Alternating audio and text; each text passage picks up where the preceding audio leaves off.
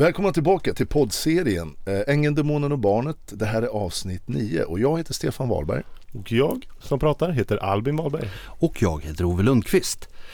Förra avsnittet så slutade vi vid att Gabriel skulle gå till Janne för att kolla var han hade tagit vägen någonstans.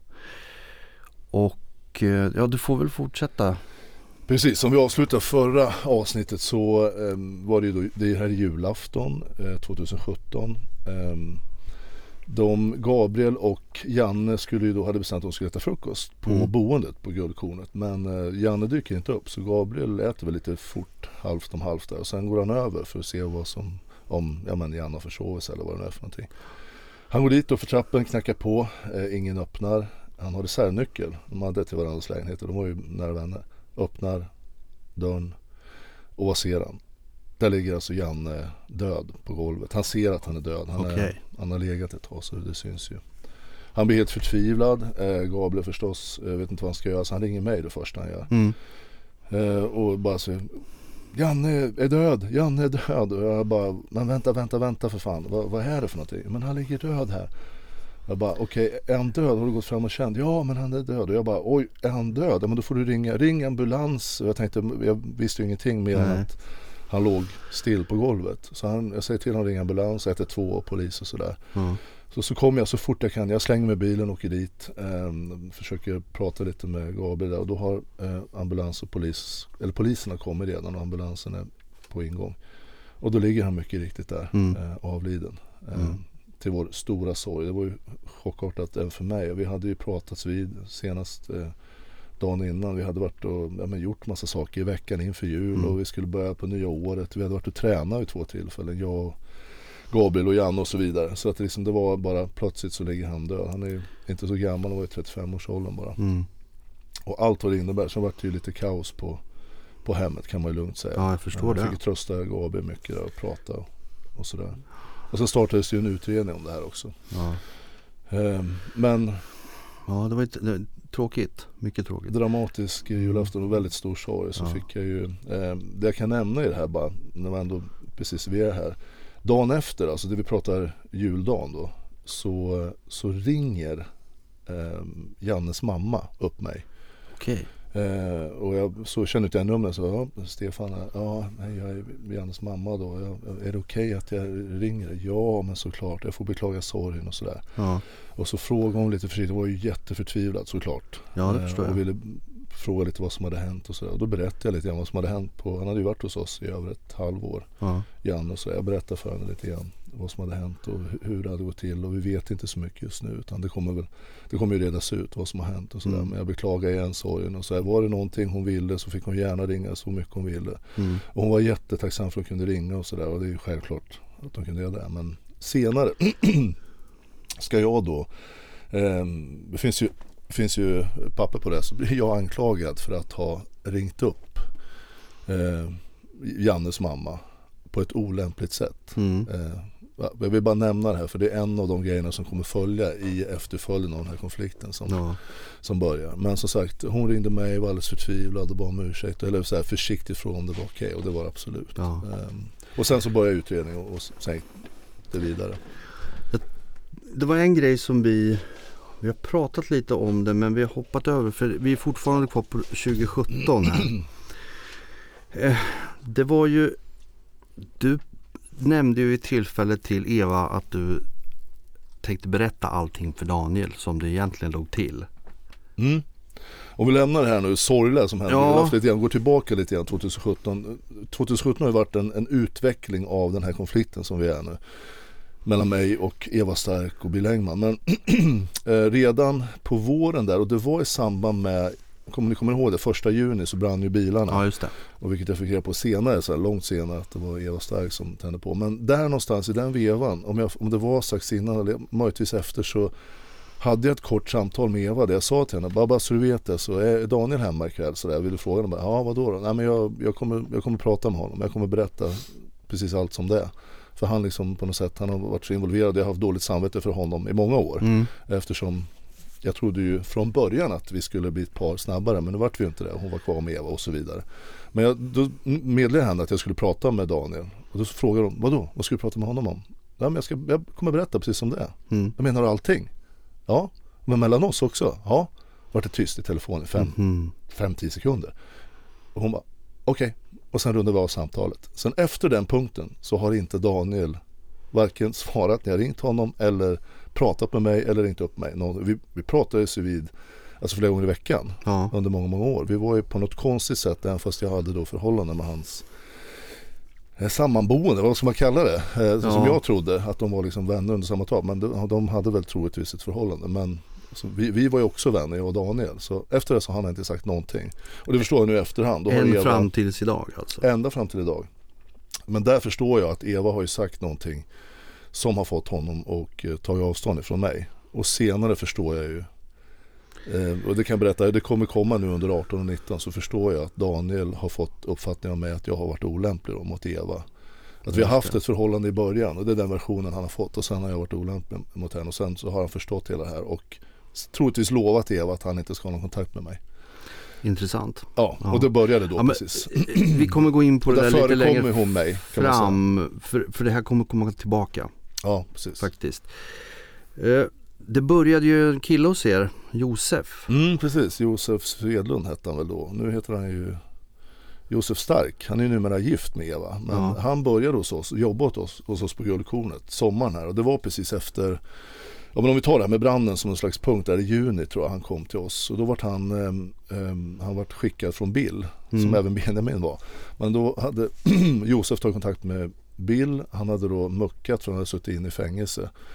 Och eh, de uppgifter vi fick det var att han var en avhoppad eh, från några mc-gäng. Okej. Eh, och han hade sökt jobb länge. Han åkte runt, som han sa själv, land och rike runt i ett år och sökt jobb men ingen ville anställa honom. Men Nej.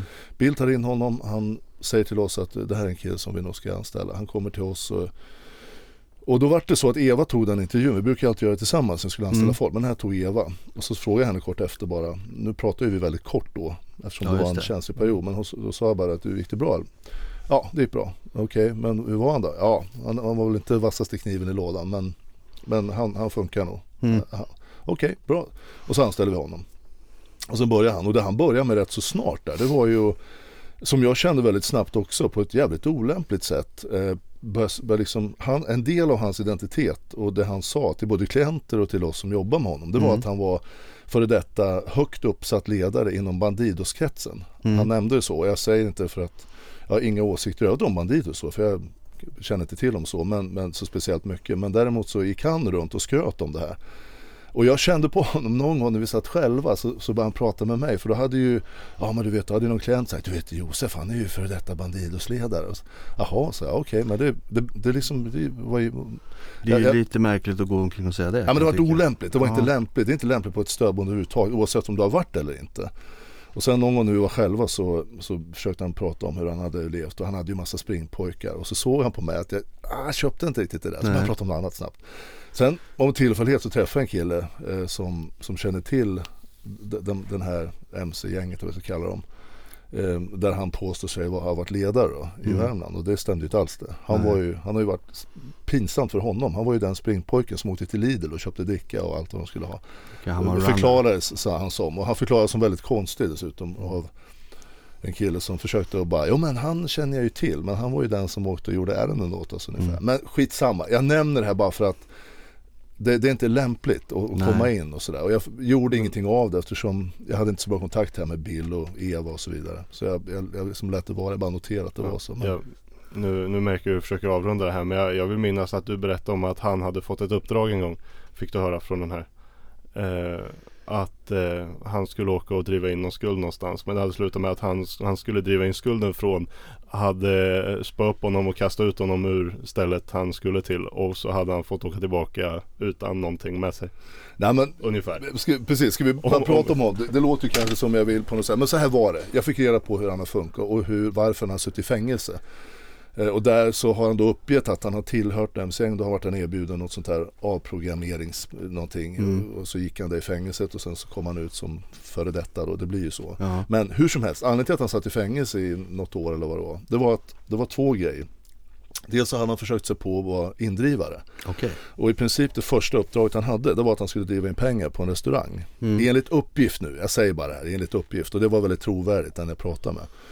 Eh, så hade han åkt till den här restaurangen, tagit kontakt med restaurangägaren. Det slutade med att restaurangägaren spöade upp honom och Mm. ringde polisen. Så polisen kom och hämtade honom. Så det var varken någon indrivning eller något annat utan det Okej. var cellen istället. Och sen det andra var att han försökte sälja droger tydligen. Om det här har något med hans mc-gäng att göra, det har jag inte en jävla aning om. Det var han själv i alla fall som gjorde. Det här får han stå för, Josef. Eh, Det kanske var på hans, men han skulle i alla fall börja sälja droger. Och det första som händer det är att han har de här drogerna då som han har hemma i sin lägenhet och ska sälja. Och det, det blir något tips för han pratar tydligen så mycket bredvid mun. Så att det får någon så här, vi får reda på det som inte ska få reda på det. De gör en husrannsakan och hittar det här. Och de här två grejerna gjorde att han eh, eh, fick fängelsestraff. Okej. Så han hade en väldigt snabb karriär som, som drogdealare eller kran som det kallas. Vet du vad? Det, det var ju en annan grej som ni gjorde då, det här är också eh, kanske till och med i början på 2017. Ni bokade ju en resa till Karibien. Mm, precis. Var i början? Ja, början av 17. Ja. Vi pratade om det rätt länge. Eva som ni vet var ju tidigare, några år tidigare på Karibienkryssning. Ja, just Det har varit lite ödesdiger där. Men här under, i början av 17 så började framförallt jag och Evas mamma, vi umgicks ju regelbundet och pratade Ja. om att vi tillsammans, familjen, jag och mina barn och de allihopa skulle åka på en Karibienkryssning. Och där någonstans på våren, jag tror det var april, så bestämde vi, fan vi bokar en resa i slutet av året då. Och här, är- alltså vi pratar nu mars, april 17, då är det fortfarande, då umgicks vi fortfarande fast det var, det var små samarbetssvårigheter mellan mig och Eva men, men vi hade samma umgänge med familjen och Ja. allt var liksom mer eller mindre frid och fröjd fortfarande. Och då gör vi det i alla fall, vi bokar den här resan och vi, hade, vi öppnade på, på Messenger, via Facebook så öppnade vi en sån här eh, kryssningsklubben kallar vi det, där jag Ja, och okej. Eva och Evas mamma och alla som skulle åka var inblandade. Och då bokade vi resan där och betalade en handpenning på den. Som Bokar då ni, skulle ske bokar ni allihopa tillsammans i grupp eller? Ja, vi, vi, bo, vi pratade om det tillsammans och vi skulle liksom ha samma båt och hur vi skulle ta oss ner och sådär. Men vi, vi bokade den alltså, tillsammans men var och för sig. Jag bokade för mig och mina barn. Ni och planerar resan tillsammans Precis, men ni, man ni köpte men biljetterna ja, var för köpte sig. biljetter Ja. var för sig. Ja, vi då tillsammans men vi köpte Mm. mm. biljetterna var och för sig. Och det här gör vi redan alltså i, i mars-april någon gång. I 17. Ja. Eh, och sen så hade vi massa snack och såg fram emot det här. Så resan skulle ske i årsskiftet här 17-18. Så jag skulle åka precis i början av 18, alltså första dagarna där efter nyår. Så det här, vi pratar alltså en, en åtta månader tidigare typ ish. Så Mm. bokar vi det här. Ja. Och, Men- och betalar en, en stor del av den. Ja, men sen när ni kommer fram till, nu är vi ju, om vi säger hoppa fram nu till slutet på december för det var ju där vi startade nu igen. Ja. Vi blickade lite bakåt men nu är vi i slutet på december och här, jag förs- om jag förstår det här rätt, så hade Eva strypt alla dina konton här precis innan ni ska åka iväg. Ja, jag, jag, jag tror att det var så här. Eh, nu börjar liksom konflikten mellan oss bli så och Evas utmanövrering av mig är så avancerad. Och det är verkligen så det är. Hon, hon och Bill, på något sätt förstod jag ju att de liksom var, ville manövrera bort mig på något vänster. Men jag jobbar ju fortfarande och vi körde på. Och då hade vi den här resan. Jag hade planerat mina, mina tre äldsta barn och jag skulle göra den här resan. Och, då hade jag betalat så pass mycket redan. Mm. Så att, eh, och jag vart tvingad där under, under året att betala resten av resan med. Så att fan vi hade väl lagt ut säkert över 30 000. Och det är ju liksom en resa vi hade planerat länge för, sparat länge för och sådär. Och sett fram emot som tusan. Och sen hade vi ju här också då en konflikt som började bli minst sagt ansträngande åt alla möjliga håll. Och det började bli bökigt på boendet, allt möjligt mellan himmel och jord.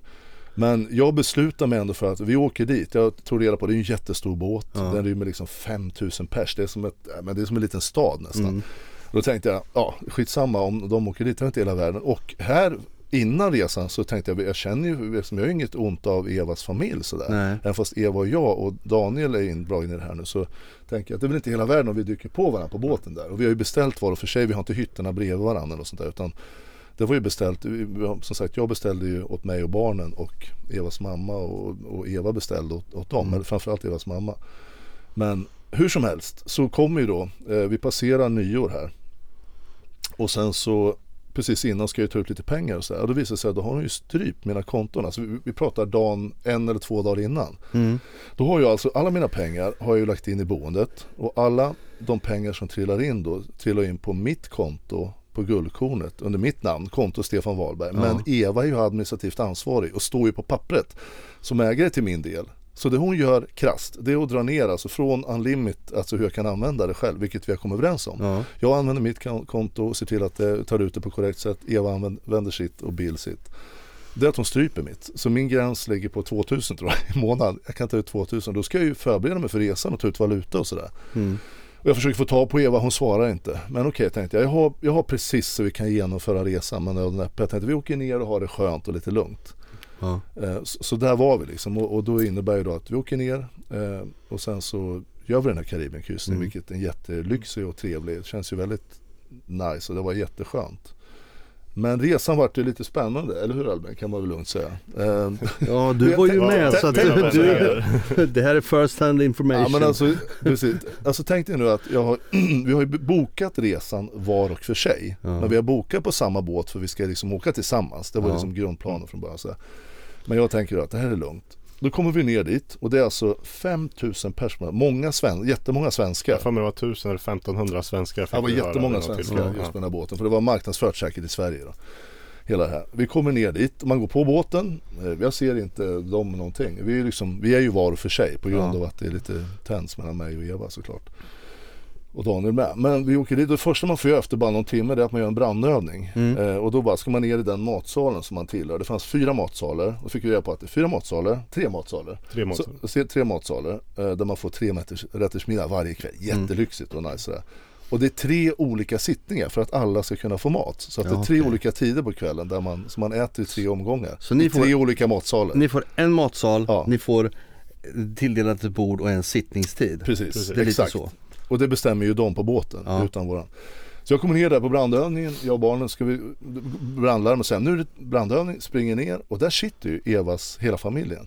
Och jag tänker vad kul att se dem. Mm. Jag har ju liksom inte haft något ont av varken Ja, fan, du börjar skoja lite med dem där och Ja. försöker få igång stämningen lite. Och sen, Men alltså jag kommer in där och som jag brukar göra, skojar lite grann. Så jag ser dem och så låtsas jag som att jag inte ser dem och säger ja men tänk att vi är här nere i, på en båt här nu. Skulle inte förvåna mig om man träffar någon man känner lite grann. Så här, lite roligt sådär. Och jag tittar på dem och jag ser alltså det, det, är som, det, är som, det är som ett gäng spöken som bara sitter hårlögda, jätteallvarliga och tittar. Jag bara, vad fan är det här? Man kände ju av stämningen direkt. Jobbig stämning. Ja, men jag, säger, vad fan, men jag vad jag fan kommer ihåg Simon, yngsta sonen i familjen där som är lika gammal som min yngsta syrra då. Mm. Eh, han, alltså han sitter och bara så här apati i blicken så här, liksom total rädsla bara stirrar rätt ut i bara intet liksom och vä- vägrar vrida blicken åt vårat håll liksom. Ja. Han, han ser helt alltså vettskrämd ut. Då undrar ju jag till? liksom som inte var med på båten. Vad, vad var det som föranledde det här? Är det någonting ni vet? Nej, då precis när det hände så tänkte jag vad fan är det här? Men jag anar ju någonstans såklart att Eva har med det här att göra. Eh, Jag vet ju fortfarande inte vad hon har sagt till Daniel för att han inte ska göra av med under det sista halvåret innan där. Eh, Men jag anar ju att det, det är någonting. Får jag bara fråga en sak? Mm. Var Daniel med på båten? Daniel var med på båten Okej. också. Ja. Daniel och hans båda föräldrar. Det var Eva eh, och hennes eh, mamma och styvpappa och lillebror. Okej.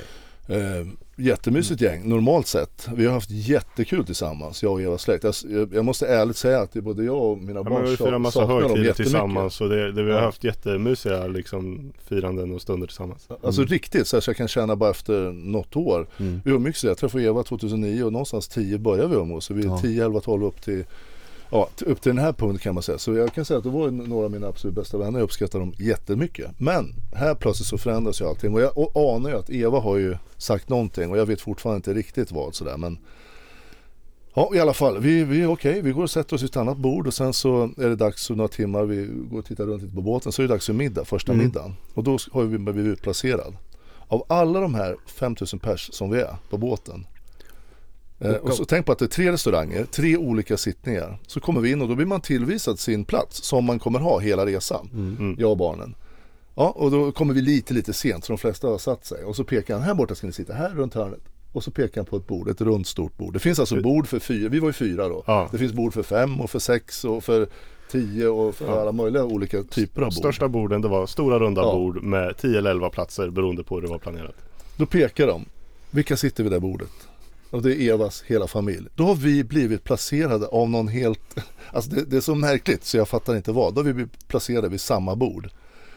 Och då blir vi, kommer in där och vi är lite ska Men vad är oddsen för det? Ja men liksom? vad fan är oddsen? Helt skruvat låga är svaret. Ja, jag funderar på, för vi har verkligen inte bokat tillsammans på något sätt. Vi bokar helt Nej men om man tänker liksom det är suttit och gått 1500, igenom det flera 1500 svenskar och så tänker så här, vi ska sätta dem vid, vid några svenskar. Ja. Och att det blev just det sällskapet är ju nästan helt orimligt. Ja men det, det är liksom bara... Ja, det, det enda de har att gå på, det enda, det är om de har suttit och kollat postnummer Ja, på jag beställningarna. säga det, Bara, jo men de har postnummer nära varandra. Det kan bli kul om de träffas och så kan de lära känna varandra och få en kontakt för livet det är väl där efter eh, kryssningen. gemensamma nämnaren, tes i sådana ändå. fall. Ja, hur som helst så sätter vi oss där i alla fall och det blir ju Alltså alla, alla, både vi och dem efter det här första mötet vid Brandövning så känner jag bara Okej, för då förstod jag att något är vajsing här. Mm. Eh, och Eva har ju dragit ytterligare någon slags eh, variant. Och jag visste ju som sagt fortfarande inte vad. Men eh, vi sitter där och, och heder till Daniels mamma och pappa. Eh, Mm. Ingela och Bengt. Alltså de var precis som vanligt. Eh, Bengt jätte jättetrevlig kille Mm. på alla sätt. Ingela jättetrevlig och jä- jävligt smart också. Mm. Jag tror att de inte köper saker hur som helst bara Mm. okritiskt. De var jättetrevliga och pratade mycket med dem. Jag pratade med Evas styvpappa Christer som också är en jävligt trevlig kille Mm. så. Han krånglar ju inte till saker. Nej precis. Eh, och som sagt jag tycker inte illa om någon av i familjen där överhuvudtaget. Simon med hennes lillebror, vi har haft jättekul och med, med barnen med också. Så. Mm. Men, men, och Saga har också varit trevlig, men tills här. då. Men de två, Daniels mamma och pappa, Ingela och Bengt, de liksom var ju med och snackade och vi, Mm. vi pratade och, och försökte göra så mysigt det gick i den här stunden. Men jag såg ju på Daniel, han satt och tittade ner och sa att han hade ont i huvudet. Och jag misstänker att det var för att han var förbannad. Mm. För, för, för jag såg på honom att någonting var fel. Men tänk er då att han har fått höra han har fått höra historier Mm. om vad, och jag förstod efteråt sen när det här drar igång mer att han har fått höra en historia där jag har först varit otrogen eller Eva har varit otrogen mot honom med mig. Mm. Vi har haft ett förhållande i början tidigt och sen efter det så har jag eh, varit eh, olämplig mot Eva och utnyttjat henne. Mm. Under många år har han fått höra. Jag förstår det senare. Så förstår jag det. Och det är klart. Och dessutom då så förstår ju han inte bara det utan förstår också att Eva och, vi, och jag har haft en affär. Och Mm. hur det har sett ut exakt. Jag skulle gissa om han är Han är inte, han är inte dum så på något Nej. sätt. Så han förstår att eh, det här Det är inte säkert att Evas historia stämmer. Men det har ju varit nå- någon affär i alla fall. Mm. Och vi har ju varit vänner under de här åren. Så han var förbannad på mig såklart. Får, jag så han, frå- får får jag fråga en sak? Eh, Hur lång var den här resan i tid? eh, sju, sju dagar, eller sju nätter. Nej, det Sex f- fem nätter tror jag. Sex dagar. Sex dagar så kanske. Ja.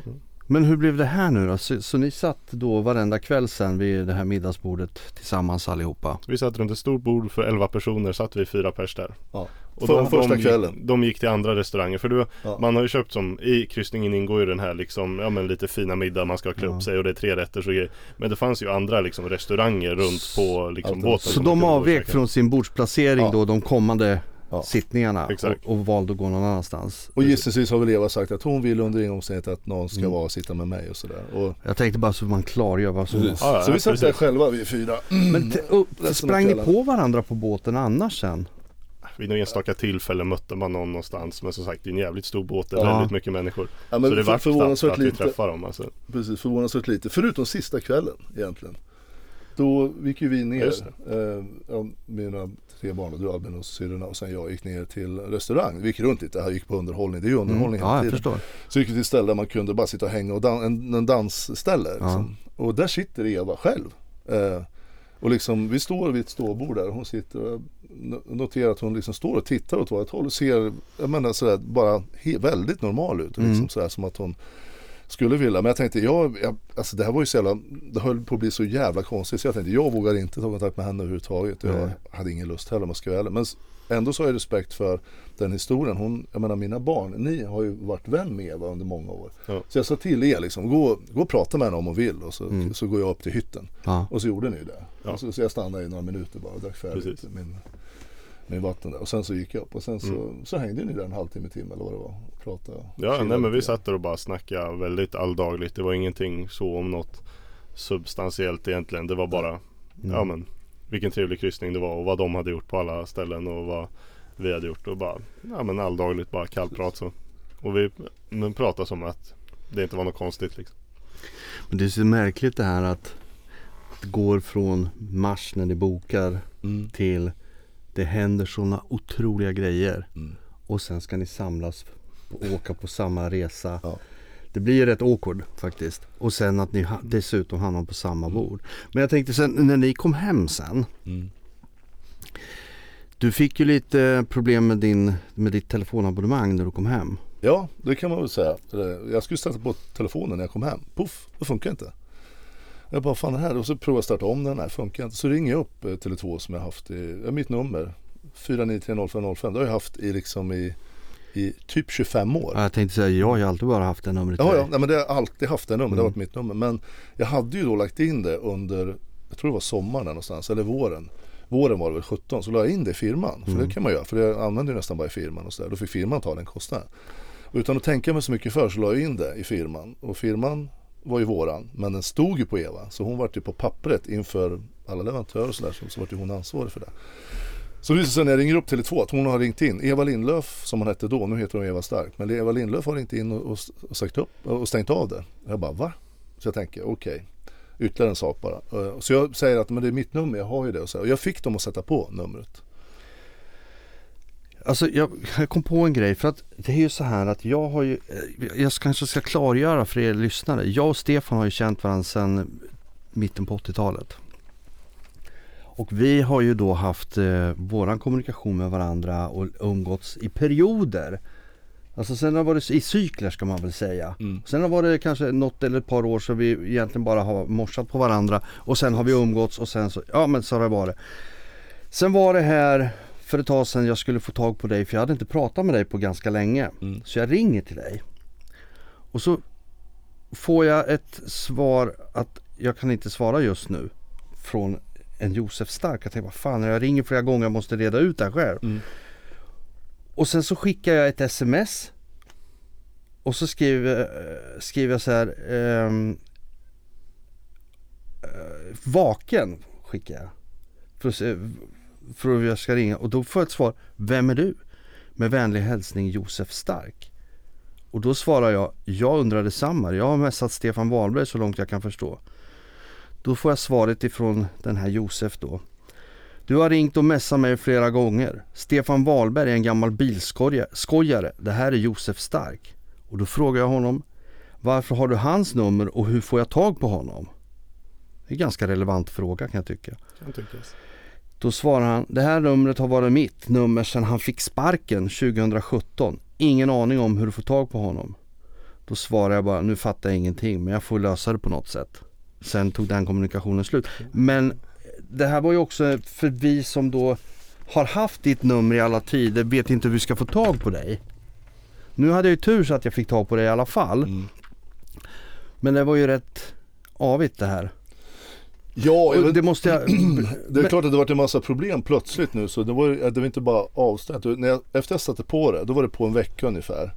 Eh, när vi hade kommit hem då. Och sen så råkade jag ringa. För då, då, i det här tillfället är det så känsligt och vi har liksom bestämt så långt att vi ska gå isär. Så jag åker inte tillbaka till guldkornet. Nej. Utan jag, och sen efter någon vecka jag hade satt på det och använde, då ringer jag upp Benjamin för jag fick ett samtal från en social, eh, socialtjänst någonstans som berörde, som jag visste, en av Benjamins, ja, de klienterna som en av de klienterna han hade ansvar för. Ja. Så jag ringer upp honom och säger, "Den- de och de har ringt så att du vet att du behöver ringa upp dem. Och då, precis bara några timmar senare, så stängdes det av igen. Då ringer jag upp Tele2, då har Eva Lindlöf ringt in igen och stängt av det och lagt in en kod så det går inte att sätta på. Nej okej. Och då får jag, då säger jag bara, vad fan, är- liksom, vad fan, det är ju mitt nummer här. Och då säger de bara, det här numret tillhör Guldkornet. Eh, och jag bara, och inser att hon har tagit numret, mitt gamla nummer. Och säger att det är så viktigt för företaget så att företaget måste ha det.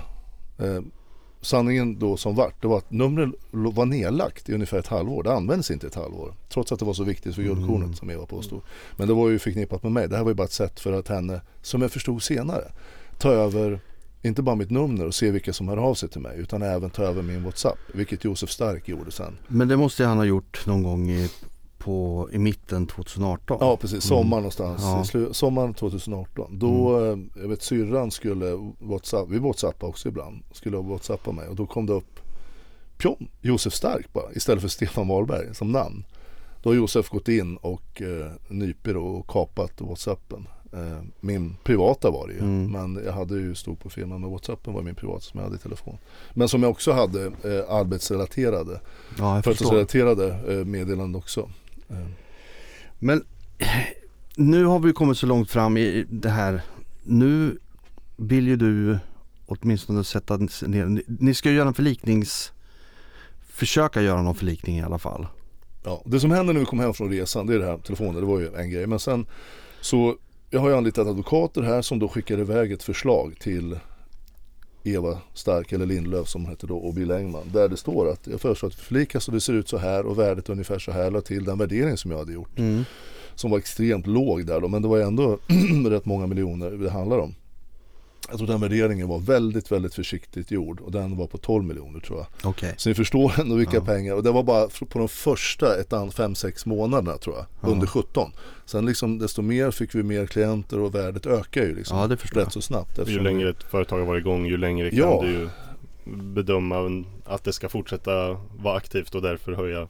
Jo men, jo, men också precis, och just den här typen, alltså vi, vi, både omsättningen, uh, uh, utvecklingen för den och utvecklingen för vinsten ökar ju nästan från månad till månad. Sådär. Exakt. Mm. Så att, eh, men, men det här var en väldigt försiktig värdering, väldigt försiktig värdering som var gjord. Det skickar vi över. Och då dröjer det bara kort tag. Sen får vi tillbaka från den advokatbyrå som de då har anlitat. Lindahls i Örebro, Mm. en, en advokat som heter Karin Slevinska. Då kommer det att, och någon annan, de har anlitat två stycken, en annan advokatfirma, hon heter Johanna någonting också.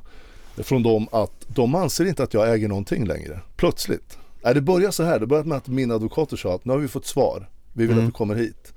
Och, och de var i Västerås, jag åkte upp till Västerås och bara du, nu har vi fått svar. Och det ser ut så här, så läser de upp det här. Då anser Plötsligt så har då Eva Stark och Bill Engman ändrat strategi helt. De vill inte göra upp ett jävla dugg. Utan Mm. nu anser de att jag har varit anställd. Inte delägare till någonting. Jag äger inga fastigheter som jag berättade om att vi har Nej. köpt tillsammans. Som jag har betalt väldigt mycket av. Eh, Vi äger ingenting tillsammans. Jag har bara varit anställd. Och jag har misskött mig så till en milda grad. Så att de var tvungna att att göra sig av med mig. Men de kan inte bestämma sig om jag är avskedad eller uppsagd. Men, Nej. men någonting är det. Eh, Och då hittar de på en harang av lögner. Alltså massa olika som jag har gjort. De räknar upp saker, de tar saker som har hänt, som har en del sanning i sig. Men de har då vridit runt det till helt galet. Bland annat, en av de sakerna som de säger, som har ett rätt så långt kapitel av. Det är att jag har då varit olämplig mot en 19-årig, en liten tjej som vi hade som, som klient. Just det. Bland annat. Och jag bara, Mm. det var liksom som, det var en hel vändning av alltihopa. Ja, jag har ju läst det där Mm. och jag tänker så här att det här är ju ett bra ställe att lämna av därför att vi kommer fortsätta nästa avsnitt. När vi ska djupa... En spännande Ja, vi- med en spännande gäst och vi ska dyka lite djupare i de här lögnerna och reda ut dem Mm. en gång för alla. Så jag tycker att vi tar och eh, lämnar av för den här veckan och den här gången och så får vi ta upp det med nya tag nästa avsnitt. Blir hur bra som helst. Ja. Tack för nu. Tack Hörs för nu. igen. Tack. Hej! Hej.